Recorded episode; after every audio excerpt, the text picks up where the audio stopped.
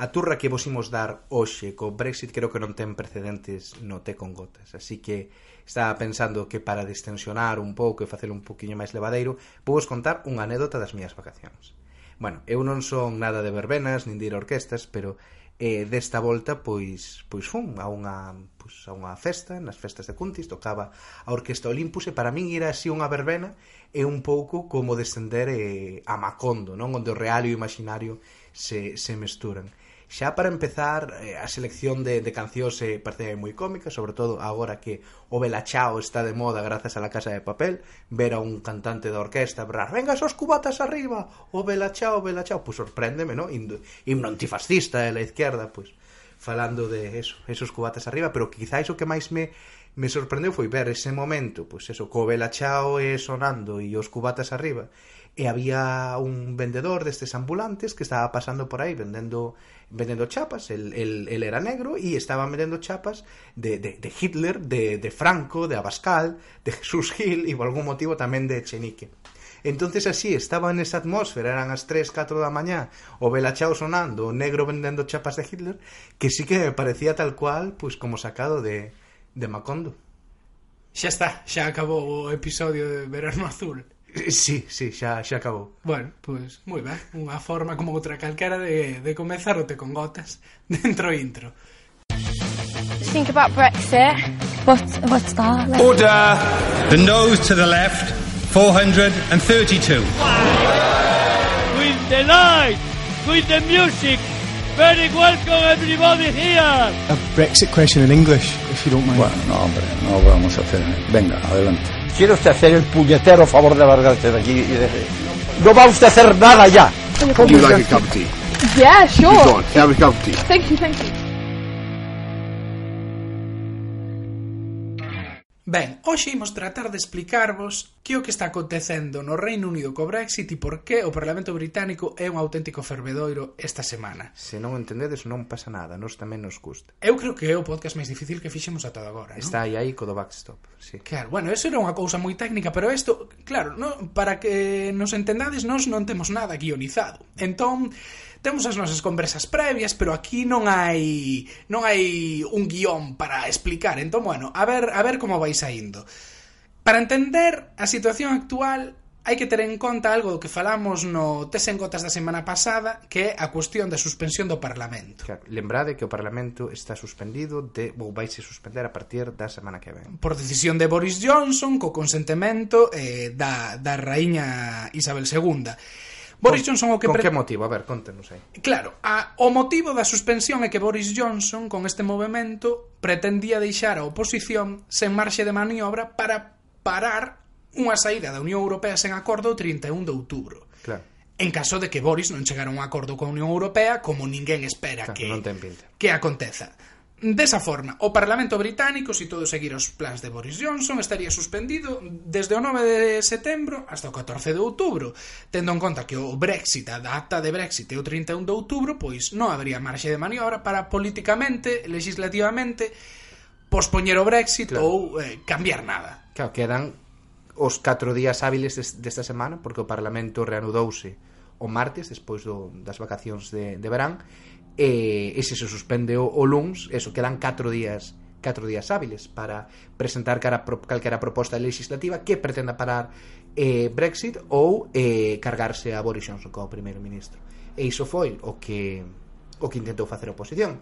Entón tiñan a opción de presentar unha moción de confianza que como a moción de censura parecido e, e non, decidiron non facelo porque non habería posibilidade de, de ter un goberno alternativo ahora mesmo entón, por que opción optaron? pois é un pouco por tomar o control político non da, da situación dos tempos do Brexit claro, sí. efectivamente, máis ben eso do, tomar o control dos, dos tempos do Brexit votaron onte eh, pola, onte pola noite eh, unha moción que foi pactada por todos os partidos da oposición laboristas, nacionalistas escoceses, liberaldemócratas, nacionalistas galeses, eh, verdes e os distintos grupos independentes descendidos dos partidos. E 21 conservadores críticos. E, efectivamente, e 21 eh, afiliados ao partido, bueno, diputados ao Partido Conservador críticos co que estaba facendo eh, Boris Johnson. Entón, en que consistía esta moción? Pois a moción o que pretende é obrigar ao goberno do Reino Unido a pospoñer a data de saída do Brexit do 31 de outubro a, bueno, creo que son tres meses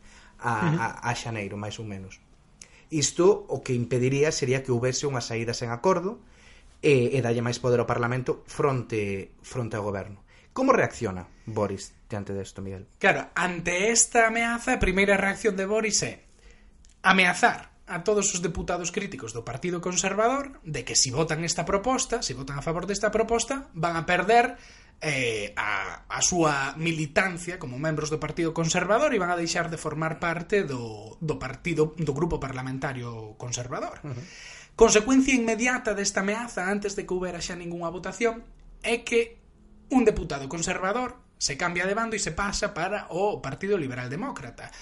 Podería ser simplemente algo simbólico, pero máis alá do simbolismo, o que implicou foi que Boris Johnson perdeu xa matemáticamente a maioría de goberno que tiña ata agora, porque despois das últimas saídas de, de conservadores, eh, o goberno de Boris Johnson quedaba cunha maioría dun deputado. Con este deputado que marcha os liberaldemócratas, matemática, eh, matemáticamente xa perde esa maioría. Ademais, é un proceso moi gracioso que cando eh, un deputado cambia, cambia de bando, ten que eh, no, en sesión parlamentaria, non? pasar dun lado a outro da cámara mm. era, era gracioso, estaba o Boris Johnson falando no Parlamento e o tipo este tipo que se levantar, sair da bancada de detrás de Boris Johnson moi visiblemente que, sí. e pasarse a bancada da oposición que bueno, para ver é algo sí, chamativo algo curioso, sí, do ritual parlamentario británico sí. eh, Esa foi a primeira consecuencia, a ameaza de expulsión dos deputados. Segunda consecuencia, ameaza de convocar ou abertamente eh, propor a convocatoria dunhas eleccións anticipadas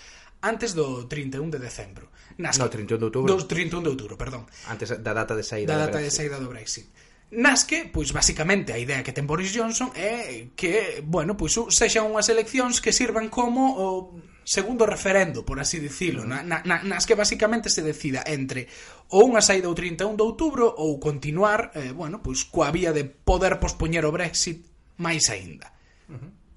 Eh, claro, que pasou? Pois onte cando se abriu este proceso parlamentario eh, Boris Johnson foi derrotado votou en conxunto toda a oposición e eh, 21 deputados conservadores que se rebelaron contra contra Boris a pesar das ameazas e abriuse un proceso parlamentario que continúa ao longo de toda a semana. Entonces esta esta emenda, eh, bueno, perdón, esta moción vai ten que ser debatida nas dúas cámaras como uns elores e tense que aprobar, segundo os propios prazos da emenda, pois tense que antes do antes do luns. E mm, as consecuencias disto, o primeiro foi que Boris Johnson cumpliu coa súa, coa súa ameaza. E aos poucos minutos de que, de que votasen en, co, en contra estes 21 eh, conservadores rebeldes empezaron a recibir chamadas telefónicas dicindolles que estaban fora do grupo parlamentario e que non se iban a volver a pres poder presentar ás eleccións as próximas baixo o, o nome do Partido Conservador, o cal implica matar as carreiras políticas pois desta, desta xente. E ollo, que non son non son pringadillos os que claro. os que votaron. Aí está Philip Hammond, que era o o ministro de Economía, no, Chancellor. O que sería de Facenda. Facenda, máis ben, sí. sí. É dicir, un peso pesado do goberno do goberno de May, peso pesado tamén do goberno de Cameron. Estaba Ken Clark, que, que é un, o deputado eh, conservador que máis anos leva no Parlamento, que foi ministro con, eh, con Thatcher, vamos, un histórico, un peso pesado, está o neto de, de Winston Churchill. Co simbólico que iso ten. Eh, claro, entón aí había xente con moito peso no partido, da ala así máis proeuropea, que agora que agora están fora. E hai un apunte que é moi gracioso que Boris Johnson teña feito isto, é dicir, expulsar do partido a, a deputados que foron fiéis toda a súa vida, pero que nesta votación mm. votaron en contra, cando el votou dúas veces en contra do criterio do goberno cando estaba Teresa May e levou o Parlamento a, a proposta de acordo coa Unión Europea el de tres votacións dúas votou en contra. E aí sigue. E o mesmo Jacob Rees-Mogg que votou xa non só esas dúas senón moitas outras en contra da liña do goberno ninguén os expulsou e agora eles Claro, moi, moi comódico tamén que mm, a veces na prensa pintaban a, a Jeremy Corbyn non como un estalinista que quería purgar a toda a dereita do seu partido, pero mima, nunca se atreveu a ir tan longe como... A dereita sempre foi máis leninista que as que... Sí, sí, en algúns casos, eh, desde logo. Pois como sigue isto? Pois o mércores pola tarde de, continuou debatíndose a proposta de retrasar o Brexit eh, durante tres meses e acábase eh, de, a momento de gravar isto acábase de aprobar na Cámara dos Comuns esta, esta moción E agora, eh, agora mesmo meter falamos, estáse debatendo unha moción que xa presentara Boris Johnson para eh, que o Parlamento lle dese apoio para a convocatoria de, de eleccións xerais, non? Sí, é o que se pense que a oposición vai a votar en contra desa proposta. Ou polo menos absterse, se logo non, non darlle aos dous terzos a maioría que precisa. Exacto. E vos preguntaredes vos, Por que a oposición e en concreto o Partido Laborista que leva meses pedindo unha convocatoria de eleccións, por que se opoñen agora a esta a, a estas mm. eleccións anticipadas que quere Boris Johnson? Bueno, pois basicamente porque entenden que estas eleccións serían uns comicios nos que a axenda mm, do debate estaría marcada por Boris, estaría marca, marcada polo que a Boris lle interesa, que é convertir as eleccións nunha, nunha especie de referéndum bis mm. no que se debata entre eh, a súa forma de ser da Unión Europea, é dicir, saindo sí ou sí o 31 de outubro con acordo ou sin el, ou a opción, pois, de todos aqueles que queren continuar prorrogando a cuestión do Brexit, non aplicar a vontade popular do referendo de 2016. Mm. Claro, Boris Johnson o que di, en teoría, é que aprobándose esta prórroga do Brexit de tres meses, estáse arruinando a súa estrategia de negociación ca, coa Unión Europea. Porque el fía todo a que non vai ser posible chegar a un acordo con Bruxelas se non ameazamos seriamente con que o 31 de outubro nos marchamos. Que acontece? Que polo que está contando toda a prensa, en Bruxelas todos os negociadores din que non hai ningún avance nin ningunha estrategia por parte do goberno británico, que simplemente non hai un bueno, pois non hai unha liña de negociación e non hai ningún avance posible nin, nin probable nos sí, próximos están días. Fase, están pasando o tempo para chegar o 31 de outubro e sair sen acordo. Exacto, para inevitablemente sair sen acordo e por parte de xente do goberno tamén se está filtrando que non hai ningunha intención de chegar a ningún acordo. De aí que todos estes deputados críticos votasen en contra do criterio de Boris porque mm. despois dunha reunión con el esta semana o que concluíron é que non hai unha estrategia e que Boris realmente estáse tirando un farol e que realmente non ten intención de chegar a un acordo con Bruselas. Por tanto, non se está dinamitando ningunha estrategia porque simplemente claro. non hai estrategia. Tamén hai outra cousa, outro motivo polo cal eu creo que os deputados eh, da oposición non queren apoiar as eleccións neste momento preciso, que é porque non se fían de Boris non se fían de que Boris non intente pois ou ben mudar a data das eleccións ou facer algunha estrategia máis parlamentaria para eh, que se siga saindo sen acordo o 31 de outubro. Entón, ata que iso este atado e ben atado, por decirlo así, o feito de que non se vai a sair o día 31, ata que non se aprobe definitivamente esta, esta moción e ata que non vexan moi claro que, que non hai tempo precisamente para sair sen acordo,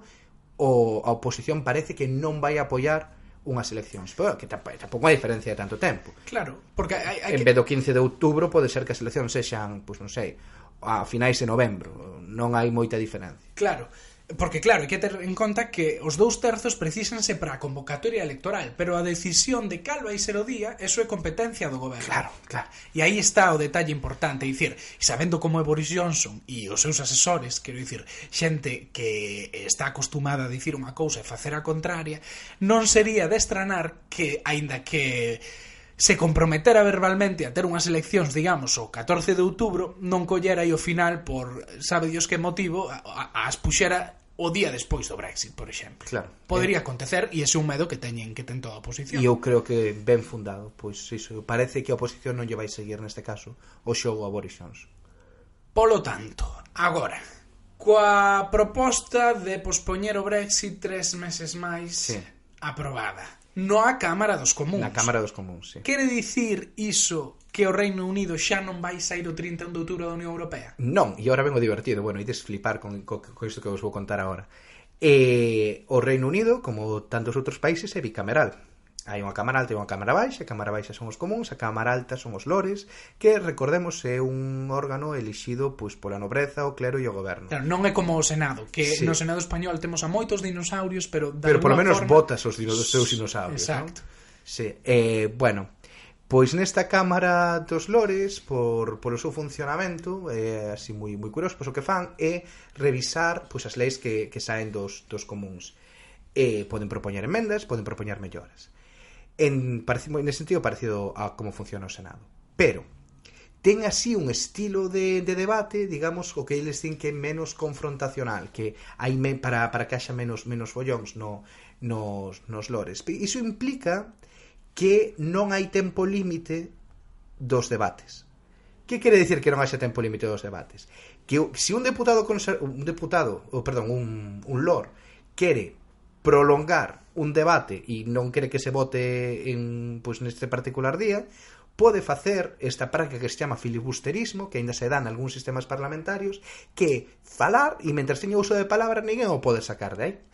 Entón, claro, agora que se acaba de aprobar nos comuns a e, pois, esta moción e pasa directamente aos lores, os lores xa iban con maletas eh, para, para a Cámara porque esperan un debate de que pode durar hasta 4 días eh, na, mesma, na mesma sesión, porque os brexiteers dos Lores presentaron 90 enmendas a orde do día, nin siquiera, nin siquiera a moción, que iso ainda non se pudo presentar. 90 enmendas a orde do día para e prolongar de xeito artificial este debate e que chegue ao luns, que é cando se prorroga o Parlamento, para que a proposta de lei decaia. Vos fixadevos o, o retorcido que é isto. Isto é porque os brexiteers non teñen, e o goberno non ten maioría nos lores neste momento. entonces a única estrategia que teñen é prolongar de xeito artificial o debate. Que se eso, pode durar hasta 4 días. Que pasa?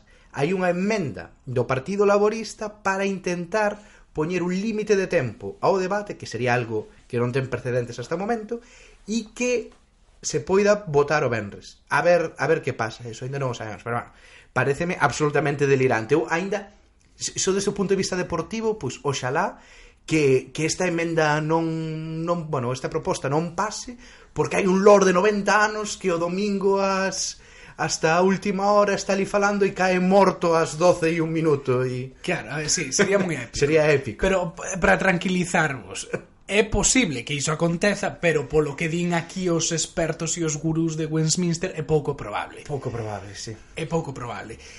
Pero vamos, que dependa desto de pareceme absolutamente delirante tamén, eh? é eh? dicir que menudo sistema ten.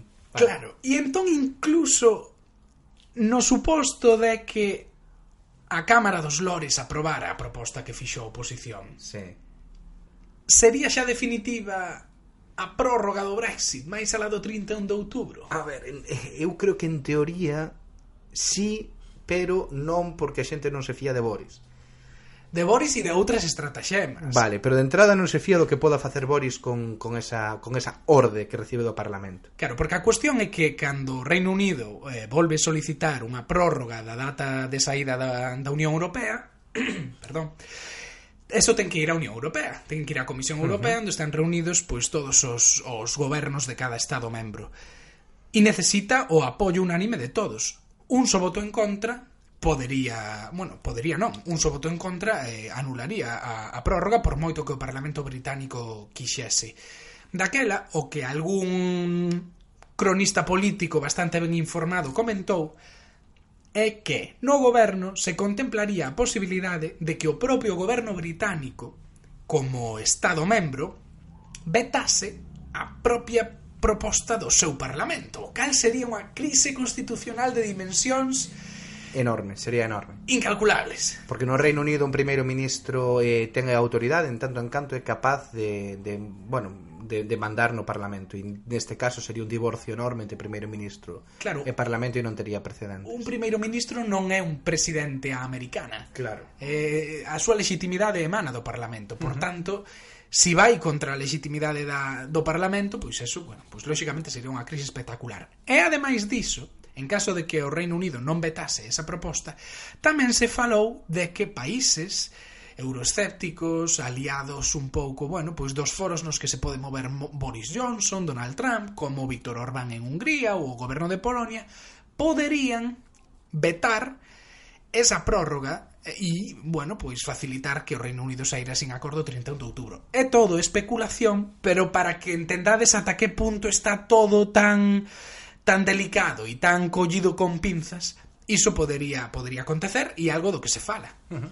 E bueno, tam, sí, sí, eh, eu non si eu agora mesmo se me preguntades eh, que creo que vai a pasar unha vez que eh, se aprobe este atraso do Brexit e que e que o, o Parlamento non lle dé a maioría a Boris para convocar eleccións, que vai pasar non teño nin idea. Ben, quizá, tampouco. quizá esa opción máis probable e agora estou facendo moitísima política ficción, eh, sería que, que se retrasase efectivamente o Brexit e que houvese unha convocatoria electoral despois do 31 de outubro, podemos ir a novembro, podemos ir a decembro. E iso sería a estrategia da oposición, non teño claro que non teño claro que Boris Johnson necesariamente teña que aceptar, eh, porque, bueno, para que as eleccións ten que haber acordo entre oposición e, e goberno. Tamén pode ser que se presente a Boris unha moción de confianza, que dé lugar a un goberno alternativo que é moi improbable eh, e, que se non dá lugar a un goberno alternativo obriga a convocar eleccións unha vez máis despois da data de saída do Brexit eh, esas quizáis son as opcións máis eh, máis probables, pero está todo está todo moi no aire, realmente. Está todo moi no aire. E claro, a cuestión é que en caso de que se convoquen unhas eleccións, mm. o resultado é unha completa incógnita. Claro porque o sistema electoral británico non axuda precisamente a ter as cousas claras ou que as enquisas axuden a, no. a aclarar as cousas. As enquisas agora mesmo están dando ao Partido Conservador unha vantaxe de 11 puntos por riba do, mm. do Partido Laborista. Pero claro, Que acontece? Isto non é un referéndum onde vai todo o voto, é unha circunscripción nacional e vai todo o voto a 50%, 50%. A cuestión é que en cada circunscripción hai un deputado e gaña o deputado que ten do partido que tivo máis votos. Claro.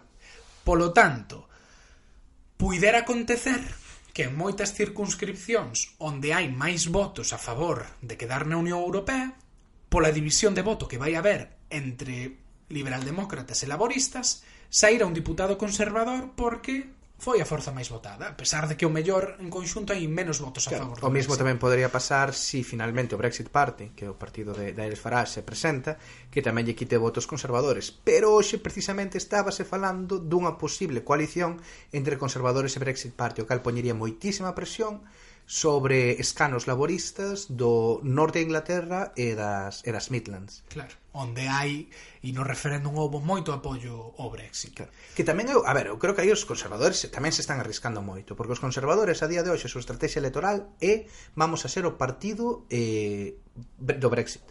E ese eh, non, non, non lle dan sí. nada de espazo a xente de Remén, acaban de votar eso, a 20 pesos pesados eh, do partido que eran que eran partidarios de Remain hai unha parte do electorado conservador que non, que non eh, compra esa, esa, esa versión da dereita e en, en circunscripcións nos que ahora mismo se está debatindo entre conservadores e liberaldemócratas eu creo que aí van perder tamén bastantes bastantes escanos. O que pasa é que eu chegados a este punto e despois de todo o que aconteceu nos últimos meses, eu creo que xa todo ese electorado tradicionalmente conservador que puido votar por Teresa May nas eleccións de 2017 mm.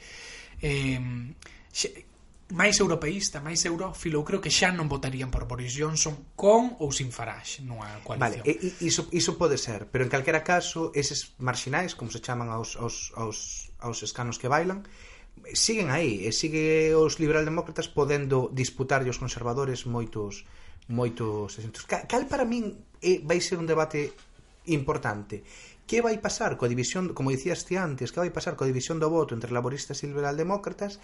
Nos das circunscripcións que son marxinais, conservador e laborista. Laborista, claro, iba a estar. Aí se son, porque claro, se o, labori, se o, se o Partido Laborista divide ou se, se se perden votos cara aos liberaldemócratas que non teñen ningunha opción de sacar eh, escano nesa circunscripción, estáse dando, eh, como dicías ti antes, os canos conservadores cando hai unha maioría partidaria de Remén. Aí está por ver tamén, e bueno, eh, as cousas poden cambiar moito nas enquisas, eh? Uh -huh. Está por ver que capacidade ten Jeremy Corbyn de posicionarse nunha campaña como un voto útil para os que queren un segundo referendo. Eu creo que últimamente está mellorando o feito de como fixo agora pois para unir o oposición, postura común, en dicir que quere un segundo referéndum con opción de quedar.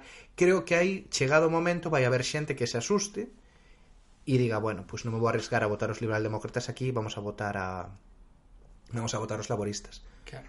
Do mismo xeito que en marxinais conservadores, liberaldemócratas, xente ideolóxicamente laboristas vai decir, mima, cost... poño a pinza e voto Sí. Voto Lib E de feito, bueno, non creo que sexa moi factible, pero mellor pois mm, Non sei se se podería descartar nalgúna circunscripción na que claramente os laboristas non van a sacar, os liberaldemócratas non van a mm. sacar, que non se presenten e que digan, oye, vamos a pedir o voto por liberaldemócratas non sendo laboristas ou eh, ao revés. Bueno. Iso, iso no, non creo que, que vaya sí, a pasar, tamén creo que tamén elevanse moi mal e están a matar. E pero bueno, tamén é outra historia. Eh, o, o millor que fai Corbyn é facer campaña. Con diferencia é o seu forte máis grande entonces nunha campaña electoral eu creo que terían tendencia a subir. E Joe Swinson é unha líder moi nova leva moi pouco tempo eh, de líder non tivo escrutinio da prensa. Esas cousas ao final acaban facendo daño. Sí e Corbyn máis daño a prensa non lle, xa, xa non lle pode facer. Todo todo que todo que se pudo facer xa se, xa se fixo. Eu creo que aí Boris vai intentar xogar a carta eso, como dicíamos antes, de convertir estas eleccións nun segundo referendo o que moito votante brexitier que tradicionalmente nunhas eleccións non, bueno, pois o mellor non vota e si votou no referendo Eso pode pasar, sí que desta volta sí vaya votar sí. porque xa estea eh, indignado con todo o que aconteceu, que se sinta, bueno, pois iso cabreado porque votou a favor de ser da Unión Europea e aquí parece que que non queren cumplir con iso e que lle dean o seu apoio. Eu creo que vai xogar moito a, a mobilizar a toda esa xente e de feito É curioso porque estes días precisamente o goberno está facendo un anuncio de que van a investir 15.000 millóns hmm. de libras en eh, aumentar os fondos para educación, para sanidade, para policía, que son precisamente os puntos débiles eh, do goberno con, dos gobernos conservadores nos últimos anos porque sufriron moito as consecuencias das políticas de austeridade e a xente os viviu moi de preto, viviu moi de preto pois que o NHS ou o Servizo Nacional de Saúde funciona peor, que a educación funciona peor, que hai máis problemas de inseguridade porque houve recortes en policía.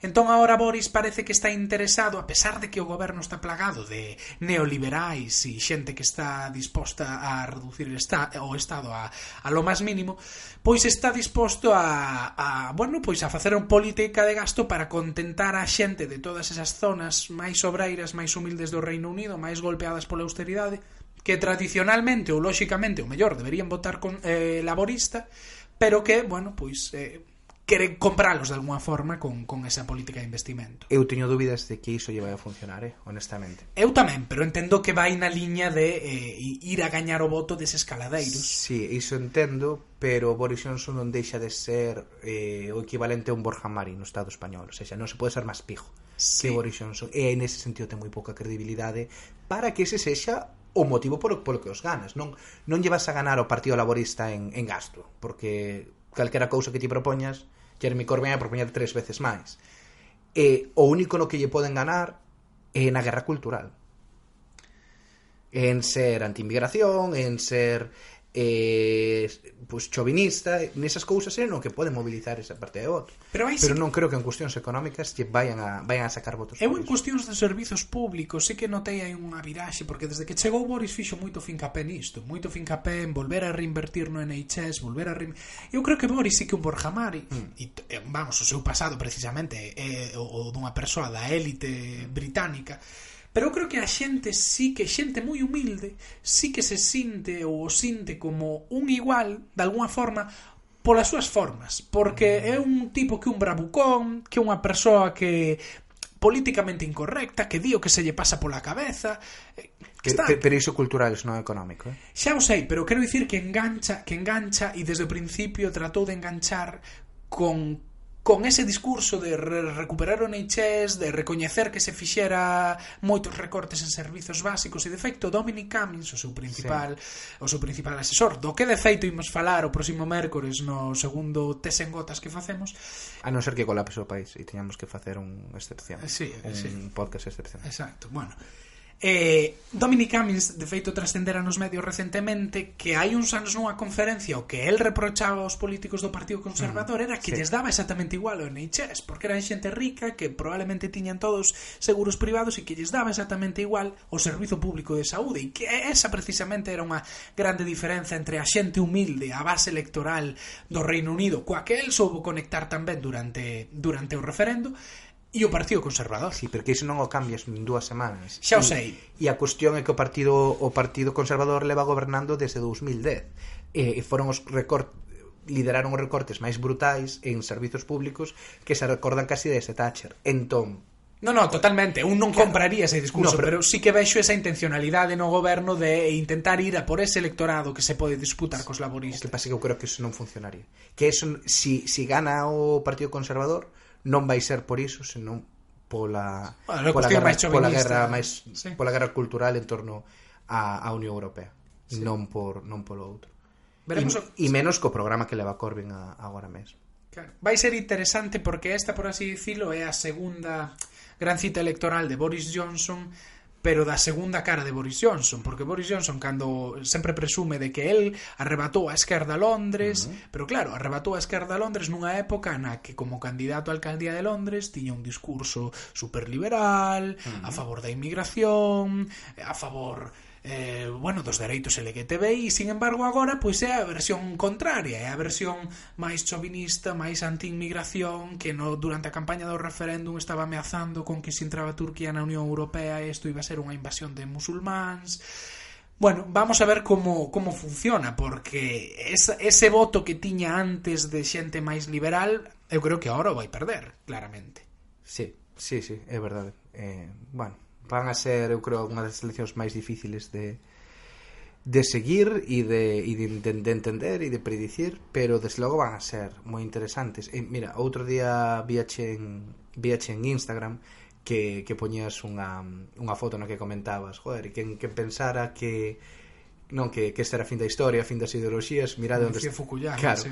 mirade eh, onde estamos agora, e que outra posibilidade dun goberno eh, hiperchovinista de dereitas ultraliberal ou o goberno un goberno socialista coa xenda máis radical que se recorda en Europa na Europa democrática quizáis desde, desde Mitterrand non? Jódete, futu, jódete Fukuyama mira onde, claro, onde estamos claro. que de feito falando sobre esa xenda socialista para quen queira indagar aínda máis Estes días o Financial Times está sacando unha reportaxe diaria, está facendo como un especial da proposta económica que ten Jeremy Corbyn que é máis que recomendable. O Financial Times dista moito de ser afín ao Partido Laborista ou de ter unha axenda socialista, ni moito menos pero a verdade é que é un exemplo, bueno, non só de bo xornalismo, que xa lle gustaría a prensa en España facer coberturas de, pois non sei, do do programa electoral de Podemos, por exemplo, coa calidade e a rigorosidade que está facendo o Financial Times, e moi interesante para saber realmente que propostas eh, fai o Partido Laborista que, bueno,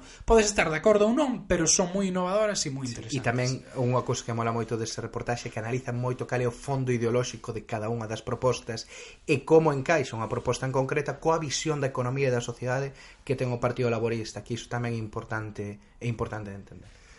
Bueno, pois pues con isto deixamos, non sabemos se si o Financial Times nos vai a pagar algo por esta cuña publicitaria de última hora. Eh, pero bueno, aí queda. Eh, Isto vai cambiar moi rápido. En cuestión de horas pode pasar calquera cousa Así que xa sabedes Seguídenos en redes, seguídenos no newsletter Porque faremos na medida do, do posible E do que poidamos Actualización do que vai acontecendo aquí no Reino Unido. E xa sabedes que podedes escoitar o noso podcast nas plataformas habituais en iVoox, e habituais en iVoox, e en Spotify, en iTunes, bueno, e en algunha outra máis que, que hai por aí. Así que nada, até a próxima semana, dentro de dúas semanas.